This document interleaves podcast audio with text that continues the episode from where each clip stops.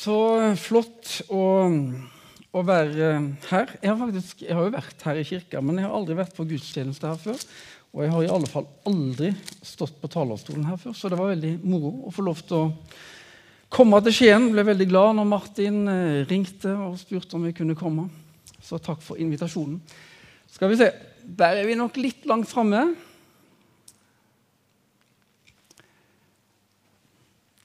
Det funker ikke.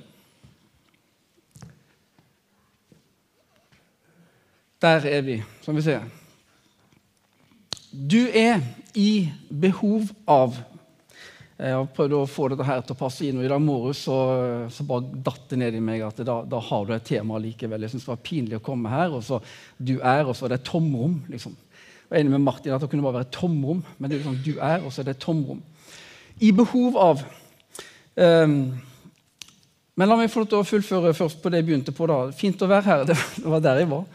Um, og så skjønner jeg jo det at nå er Skien Og jeg fikk en sånn liten reprimande av Martin her. Uh, for det var en fotballkamp for noen uker siden mellom FK Haugesund eller Odd var på besøk i FK Haugesund. Og det gikk jo veien uh, for Haugesund. Uh, og, og, og, så, Det er ikke ofte jeg legger ut ting på Facebook, og, og sånn, men da liksom, yes, jeg ble så begeistra over at min, liksom, min klubb, da, i tillegg til Tromsø litt også, så vant de, og så slo de et så himla godt lag som Odd. altså Kanskje Norges beste lag. Eh, sant vel? Og det, det, er jo eh, Det er kanskje once in a lifetime at, at noe sånt kan skje. sant vel? Eh, og da var Martin raskt ute og, sa Kjell, du må huske hvor du er menighetsrådgiver. Eh, men det er ikke så enkelt, for forrige søndag da var jeg i Porsgrunn, og der har de Pors. Og alle der er ikke så glad i Odd. Nei, Dette her ble kjempekomplisert. Så um, ja. Jeg fortsetter å heie på Haugesund, og så tenker jeg Men nå, nå er det sommerferie, er det ikke det? Hvilken plass ligger Odd på sånn tabellen? Andre? Wow, Da ligger de over Haugesund, da. Jeg har hatt det veldig gøy i, i Grimstad på, med, med Start. og sånt, De ville ha meg til å heie på Start, men jeg har jo nekta hele veien. og jeg har, jeg har, vært ganske fæl fra talerstolen, og, og, nå er det jo forferdelig ille. Da. Nå ligger de helt hørte 70, sånn, Første gang i Norge at et lag allerede har rykka ned i førstedivisjon. Det er jo forferdelig trist. Vel, eh, til temaet. Jeg skal lese fra Efeserbrevet først.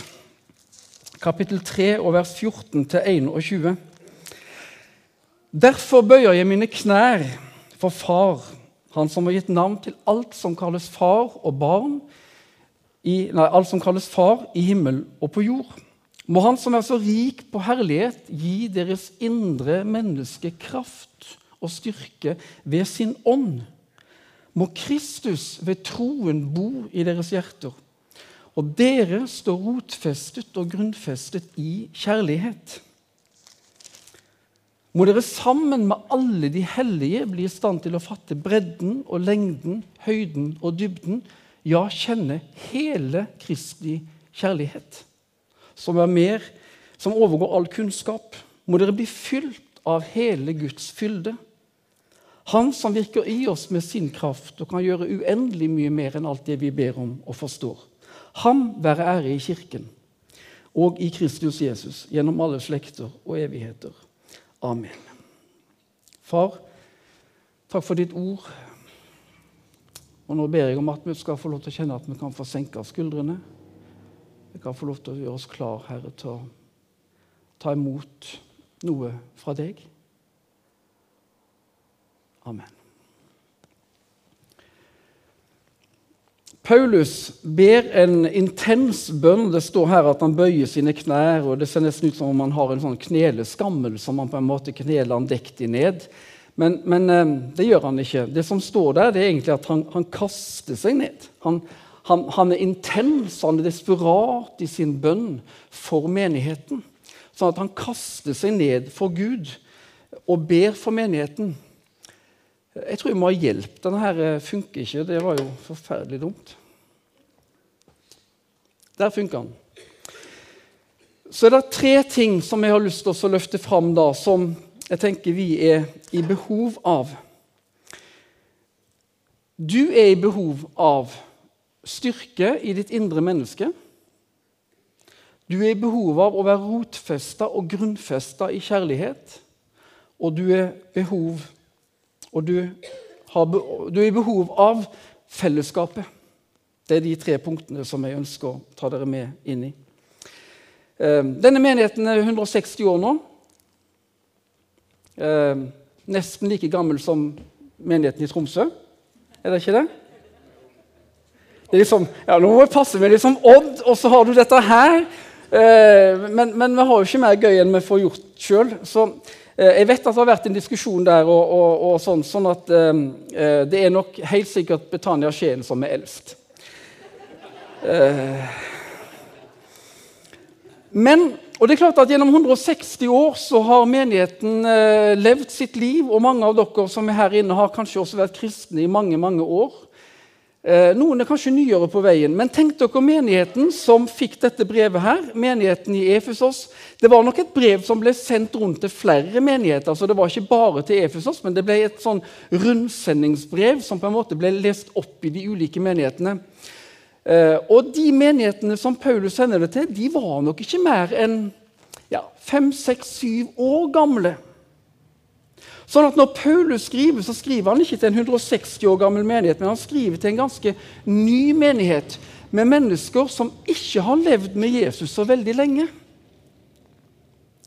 Så prøv å tenke deg på en måte at han, han skriver og, og, og den, den, engelske teologen N.T. Wright han sier det at Efeserbrevet skal gi de som leser det, en opplevelse eller en erfaring, forstand om hva som er kjernen i deres tro. Så tenk deg nå at du liksom har bare vært på veien noen få år. Du er ganske ny. Det er ikke så mange år siden du slo følge med de andre som gikk på denne veien sammen med Jesus. Og Hva er det da Paulus ber om for deg og for menigheten?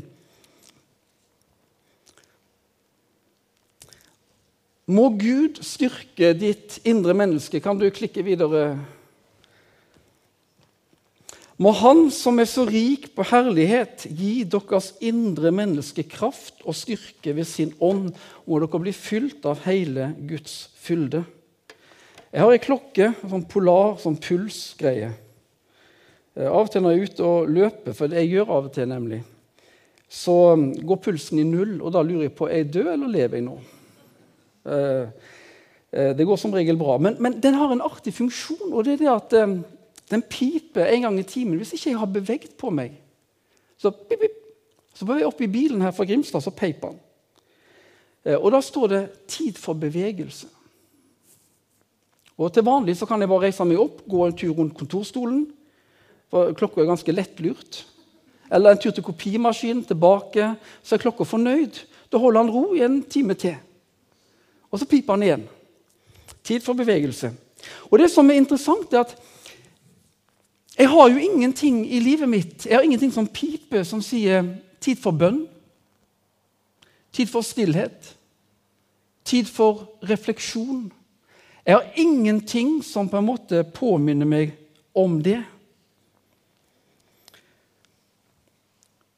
Og Det er lite i vårt samfunn også som innbyr til det. For vi lever i en ganske utenpå-tid, hvor trening og kosthold og det ytre, det å lykkes, se bra ut, har vært i høysetet ganske lenge.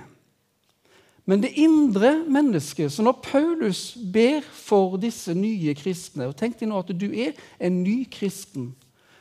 Så ber han om at Gud må styrke deres indre menneske. William Barkley en som har skrevet mange bibelkommentarer. Han, han, sier at eh, når en greker hørte dette, så tenkte han på tre ting. Han tenkte på forstanden, altså tanken vår, forstanden vår. Eh, det å velge rett og galt, og det å gjøre de gode, riktige valgene. Han eh, ville tenke på samvittigheten. Samvittigheten som et kompass som hjelper meg til å ta valgene underveis. Og han ville tenke på viljen. Det å ikke bare vite hva som er rett, men også å gjøre det som er riktig. Det å ikke bare ha alle de gode intensjonene om noe og de gode tankene om hva jeg skulle ha gjort, men også det å gjøre det. Så disse her nykristne de bala jo med i en ganske stor by, 250 000 mennesker. Det var en ganske sterk keiserkultus, sånn at tilbedelse av keiseren var ganske viktig. Det var en del templer, altså avgudstempler. Så her var det nykristne som bala med hva betyr det å være kristen? Hva betyr det å følge etter Jesus i vår tid? Hva betyr det for mitt forhold til keiseren? Hva betyr det for mitt forhold til samfunnet rundt meg?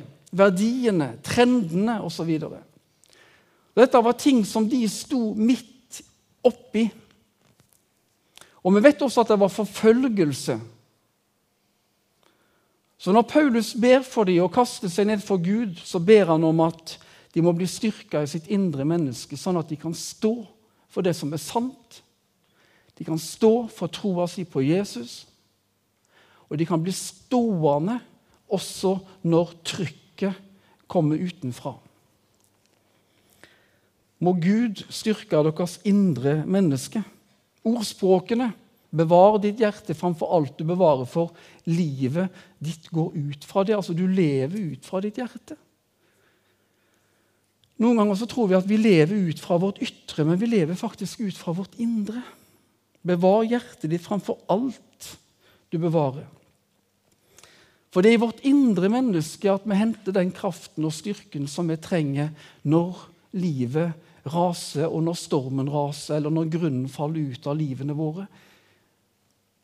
Når vi møter motgang, så er det fra det indre vi lever.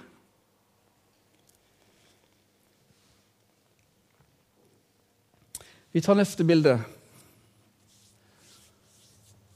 Du er i behov av å være rotfesta og grunnfesta på noe som holder.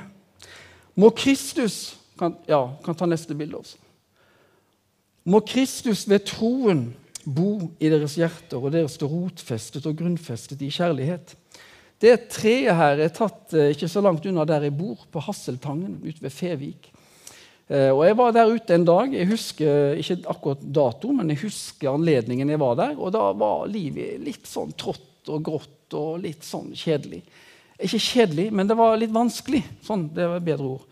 Så gikk jeg der ute, og så ba jeg, og så var jeg stille. Og så var jeg sikkert sur og fortvila og frustrert. Og så fikk jeg øye på det treet. Og da tenker jeg jeg føler meg litt sånn nå. Som en sånn bøyd tre som har stått på pynten der. Og så står det litt, og så kommer all stormen og alle vindkastene kommer inn der. For lenger innenfor her ehm, eh, så er det eh, svære, mektige, flotte trær. Eh, som jeg ikke husker navnet på nå. Ehm, sånn at ehm, når du kom lenger inn i skogen, så var det mer stille. og Der kunne liksom trærne få lov til å vokse. og jeg tenkte Tenk om jeg kunne fått lov til å stå der og vært et sånt stort, flott tre. Og så følte jeg meg som en sånn liten greie som bare sto eh, og, og, og klamra seg fast.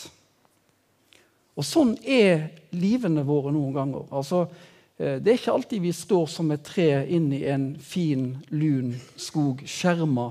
Eh, vi står på en pynt i livene våre også. Så når Paulus ber videre for menigheten, så sier han å, jeg skulle ønske at dere kunne stå rotfesta og grunnfesta i kjærlighet.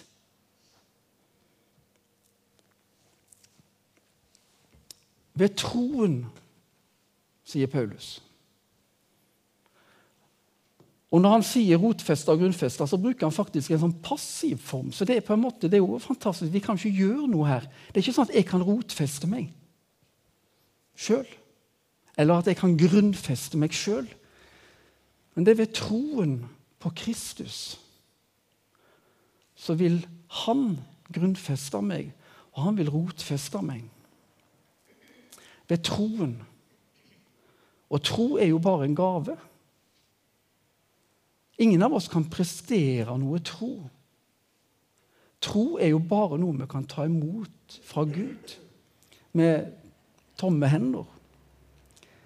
Ehm, så ved tro så bor Kristus i våre hjerter. Og så når Paulus skriver at Kristus bor i våre hjerter, så var det to ulike ord på den tida for det å bo. Og Det ene det betydde liksom litt sånn på gjennomreise.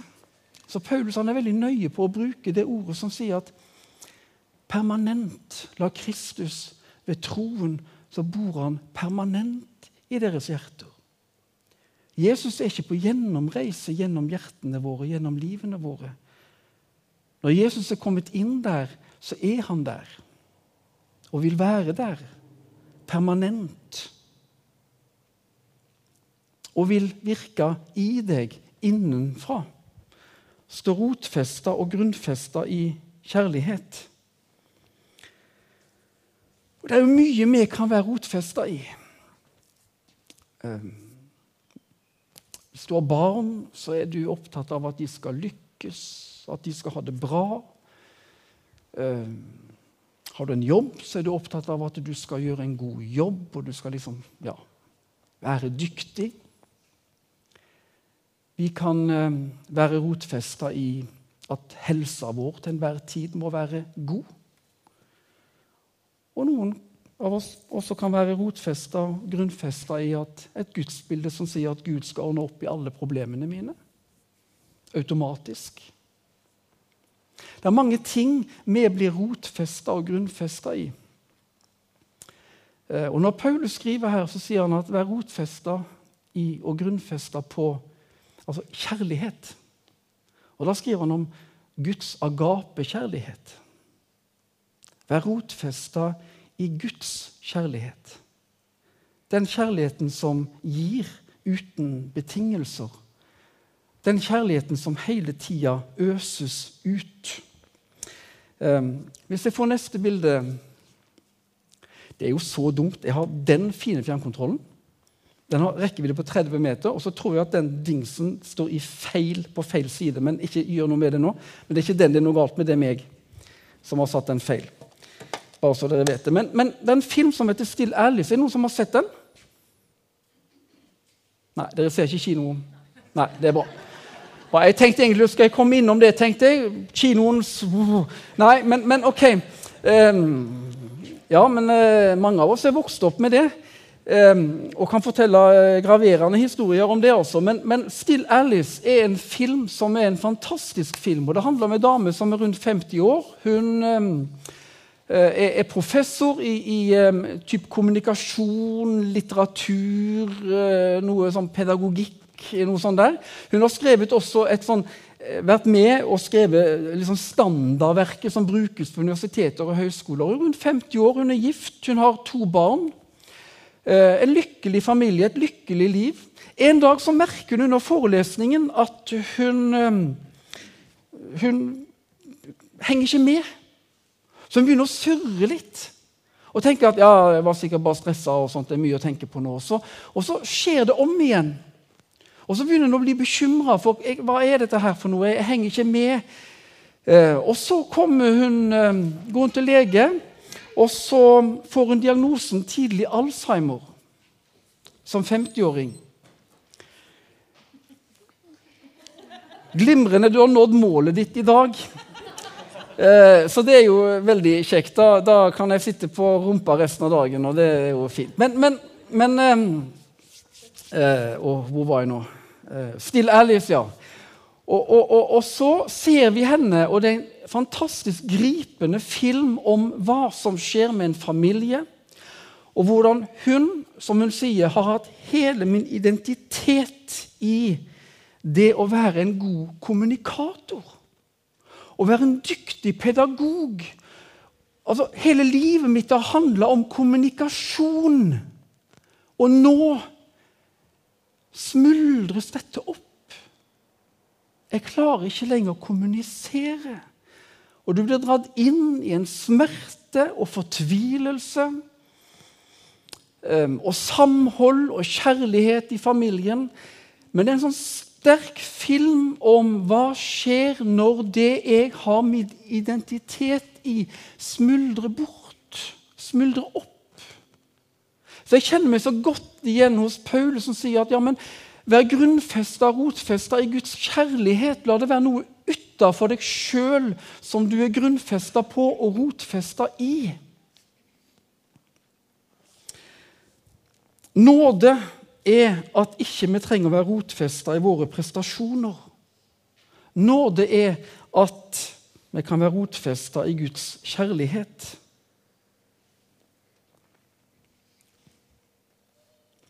Jeg har en liten filmsnutt som jeg tenkte jeg skulle vise dere, hvis vi får det til. Der.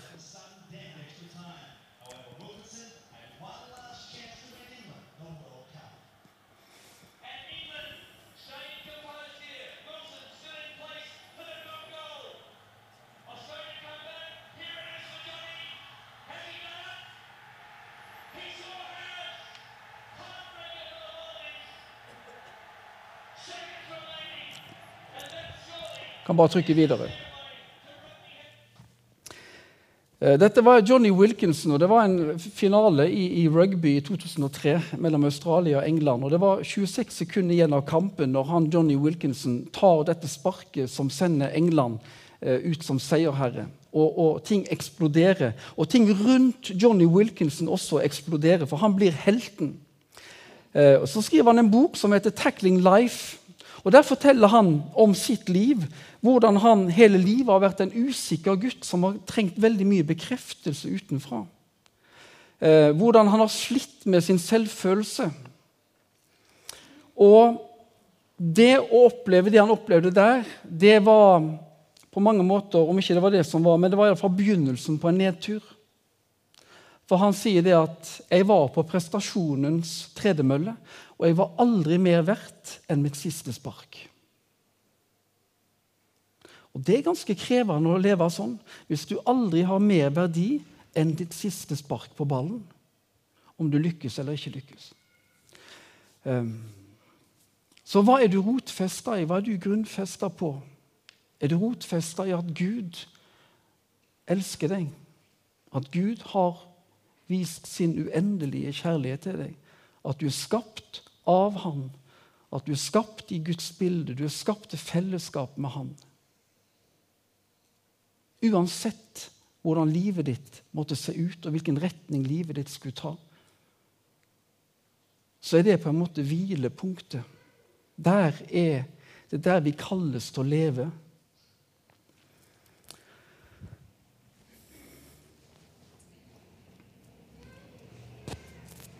Det tredje du er i behov av fellesskap. Får vi det opp? Der, ja. Eh, er det noen som vet hva de trærne heter? Du kan ta neste bilde også. Redwood. Ja, det er jo fantastiske trær, og de er så svære at eh, hvis vi hadde stått ved siden av Jeg har sett bilder med mennesker ved siden av de trærne, så ser du de der. Liksom. Der er det liksom et menneske, og så har du treet hele veien. Det er jo gedigne trær. og en skulle liksom, wow, Jeg har jo sette et sånt tre en gang. Jeg ville ikke hatt noe sånt i hagen, liksom, men, men, eh, men å sette et hadde jo vært veldig gøy. da. Må dere sammen med alle de hellige bli i stand til å fatte bredden og lengden, høyden og dybden, ja, kjenne hele Kristi kjærlighet som overgår all kunnskap. Vet du hva? En skulle tro at det treet det har enormt dype røtter som går langt, langt ned for det vi er lært opp til å tenke liksom at uh, også i våre kristne liv så skal vi ha røtter som går langt langt ned, og det skal gå dypere og dypere. Og dypere og dypere. Så står vi der som selvstendige, individuelle trær med dype røtter og en vakker trekrone. Men de trærne der de har ikke så himla dype røtter.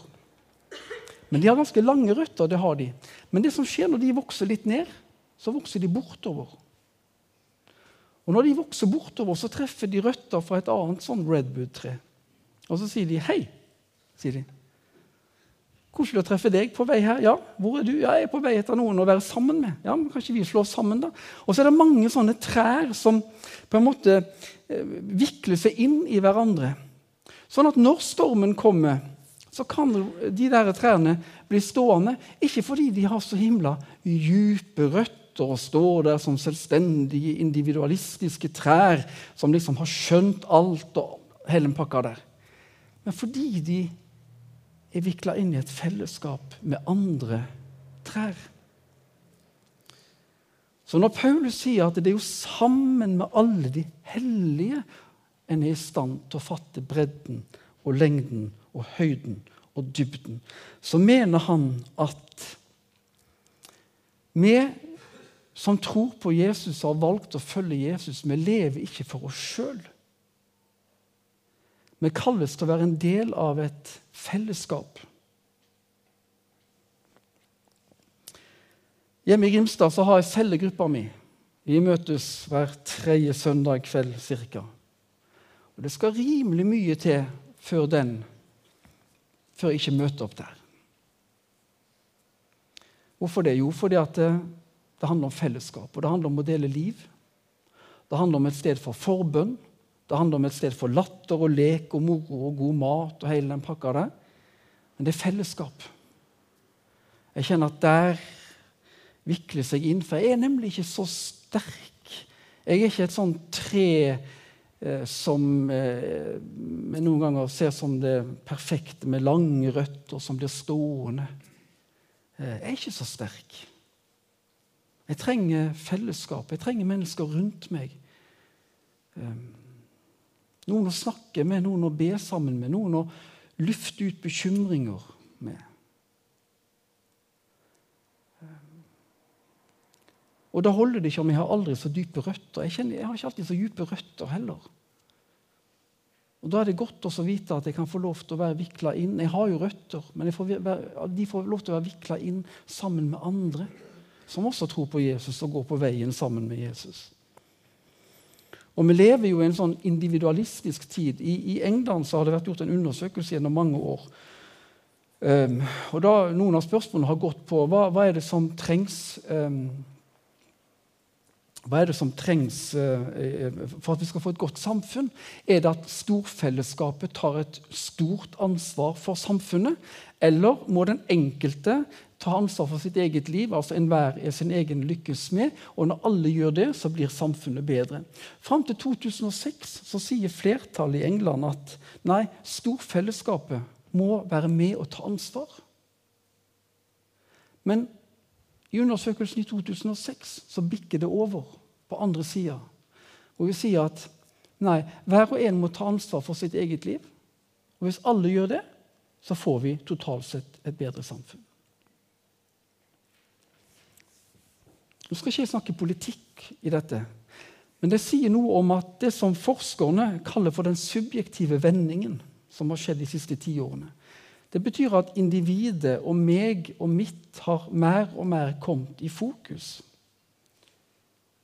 Ehm, det slår inn på mange områder. Jeg, tenker, jeg tror vi er naive hvis ikke vi tenker at det slår inn i, i menighetslivet også. Hva er det her for meg? Eh, hva får jeg ut av dette? Og Derfor er det kanskje at Paulus har aktualitet i dag også når han sier at 'sammen med alle de hellige'. Ehm, for det er vanskelig å være kristen alene, og det er vanskelig å erfare Gud alene. Ingen kan, kan i lengden følge Jesus alene, skriver han Asle Finseth. Når man blir et Guds barn, innlemmes man uten videre i flokken av alle de andre Guds barna. Den flokken er man prisgitt på godt og vondt. I kristen sammenheng finnes det sant å si ikke noen vei til fellesskap. Fellesskap er veien.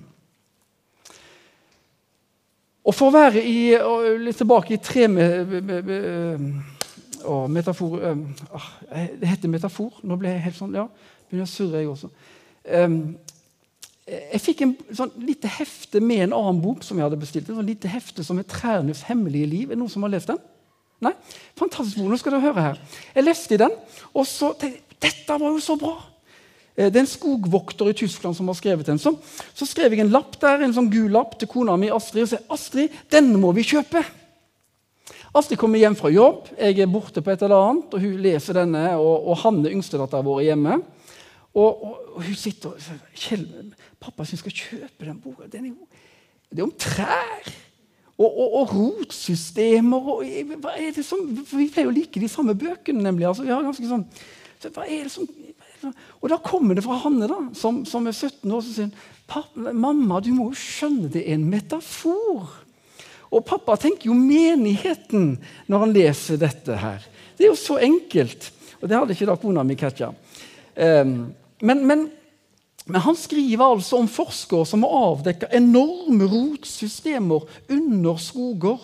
Og så skriver han også at, at eh, trærne er sosiale vesener. Og Det betyr at ved røttene sine så kan de til og med finne ut at du er en annen art enn en meg. Det, det er én ting de kan gjøre, men de vikler seg også inn i hverandre. Og visste dere det? At å være et tre i skogen omgitt av gode naboer, da er du ganske trygg. For hvis et tre kjenner at nå begynner jeg å visne, nå går det litt sånn dårlig med meg her, og jeg kjenner meg litt hufsen og litt syk. og sånn.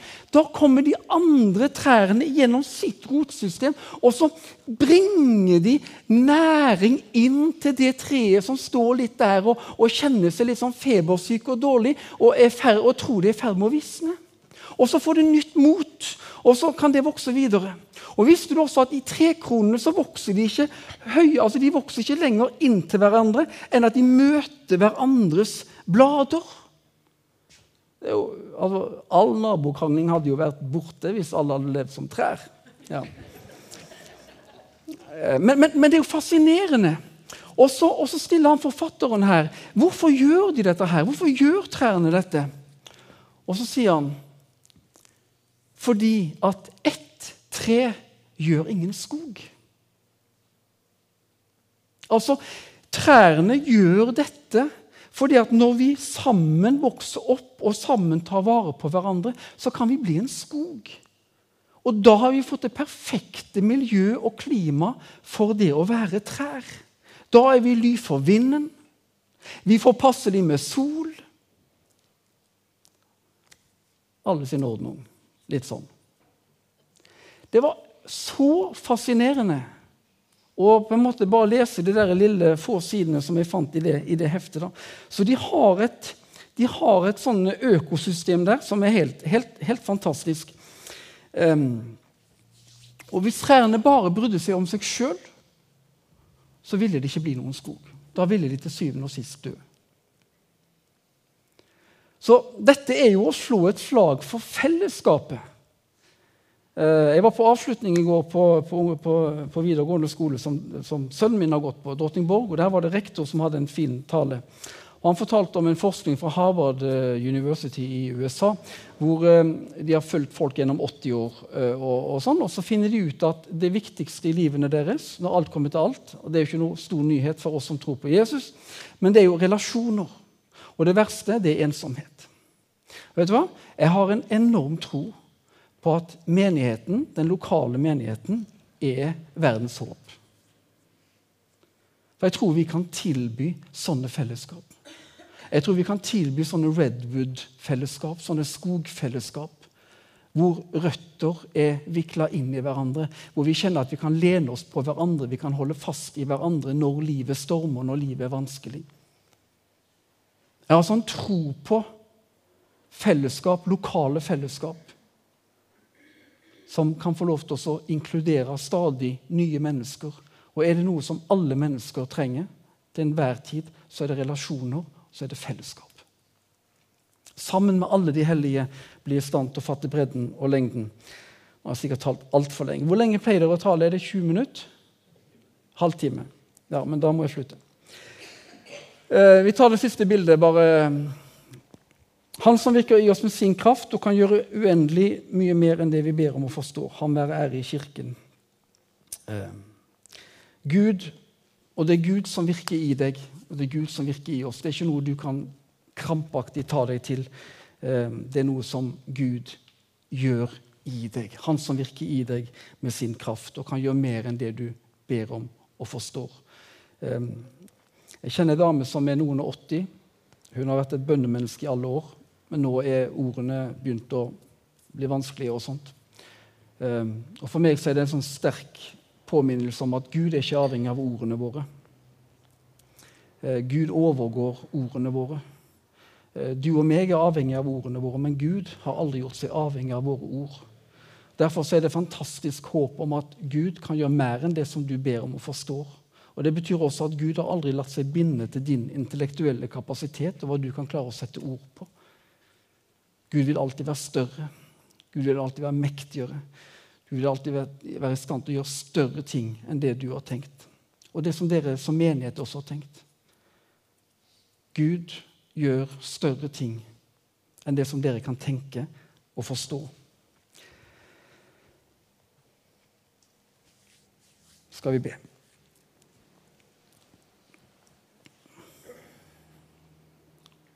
Takk for ditt ord. Eh, takk for menigheten. Takk for bønnen som Paulus ba.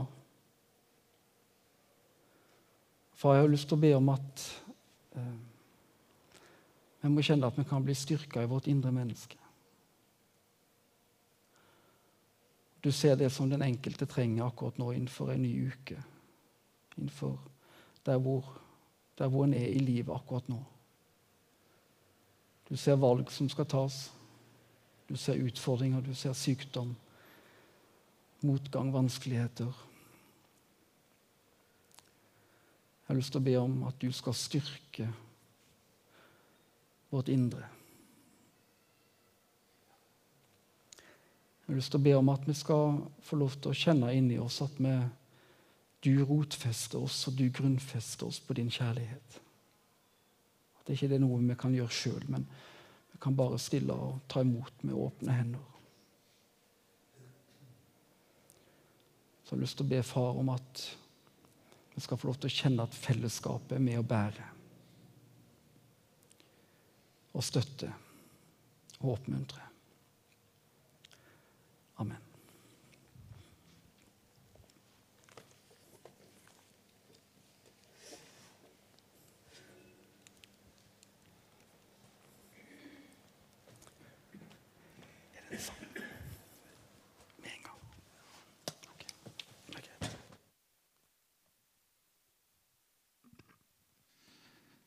Da er det så dere spiller litt sanger. Eh, så er det nattverd. Og Kjell du tar ansvar for den også. Så da tenker jeg ok å reise oss opp.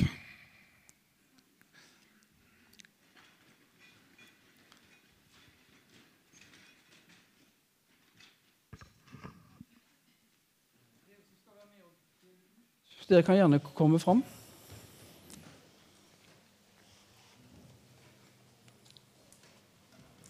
Og da er Det sånn at det blir eh, to stasjoner, en her og en der.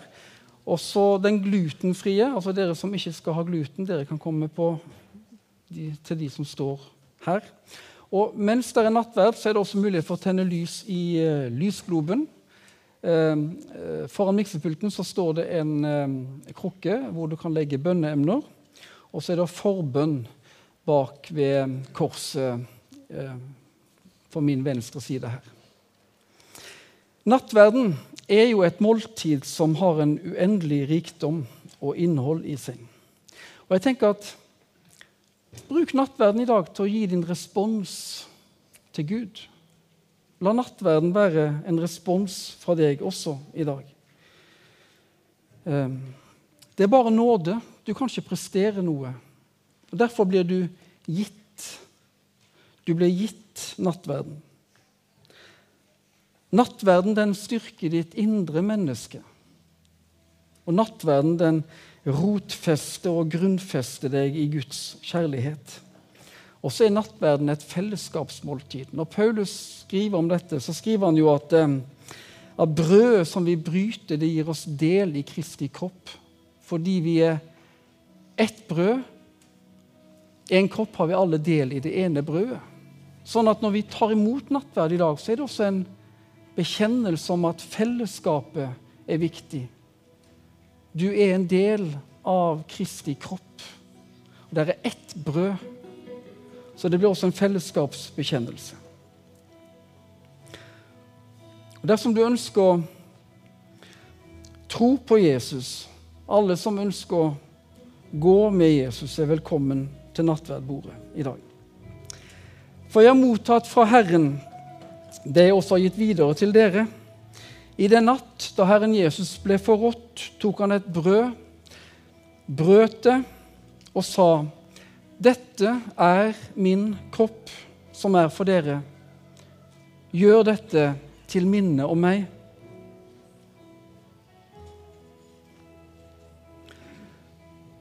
På samme måte tok han begeret etter måltidet og sa, 'Dette begeret er den nye pakt i mitt blod. Og gjør dette så ofte som dere drikker av det, til minne om meg. Velsignelsens beger som vi velsigner, gir, det, gir det ikke del i Kristi blod. Brødet som vi bryter, gir det ikke del i Kristi kropp. Fordi det er ett brød, er vi alle én kropp, for vi har alle del i det ene brød. Himmelske Far, takk for dette måltid. Et enkelt måltid, men et måltid som kosta deg alt til å tilveiebringe. Din død, din lidelse, ditt offer, din soning. Og så får vi lovt, Herre, på denne dagen å være sammen om dette, bordet som du har dekka, og hvor du sier til oss, kom, for alt er gjort ferdig for dere.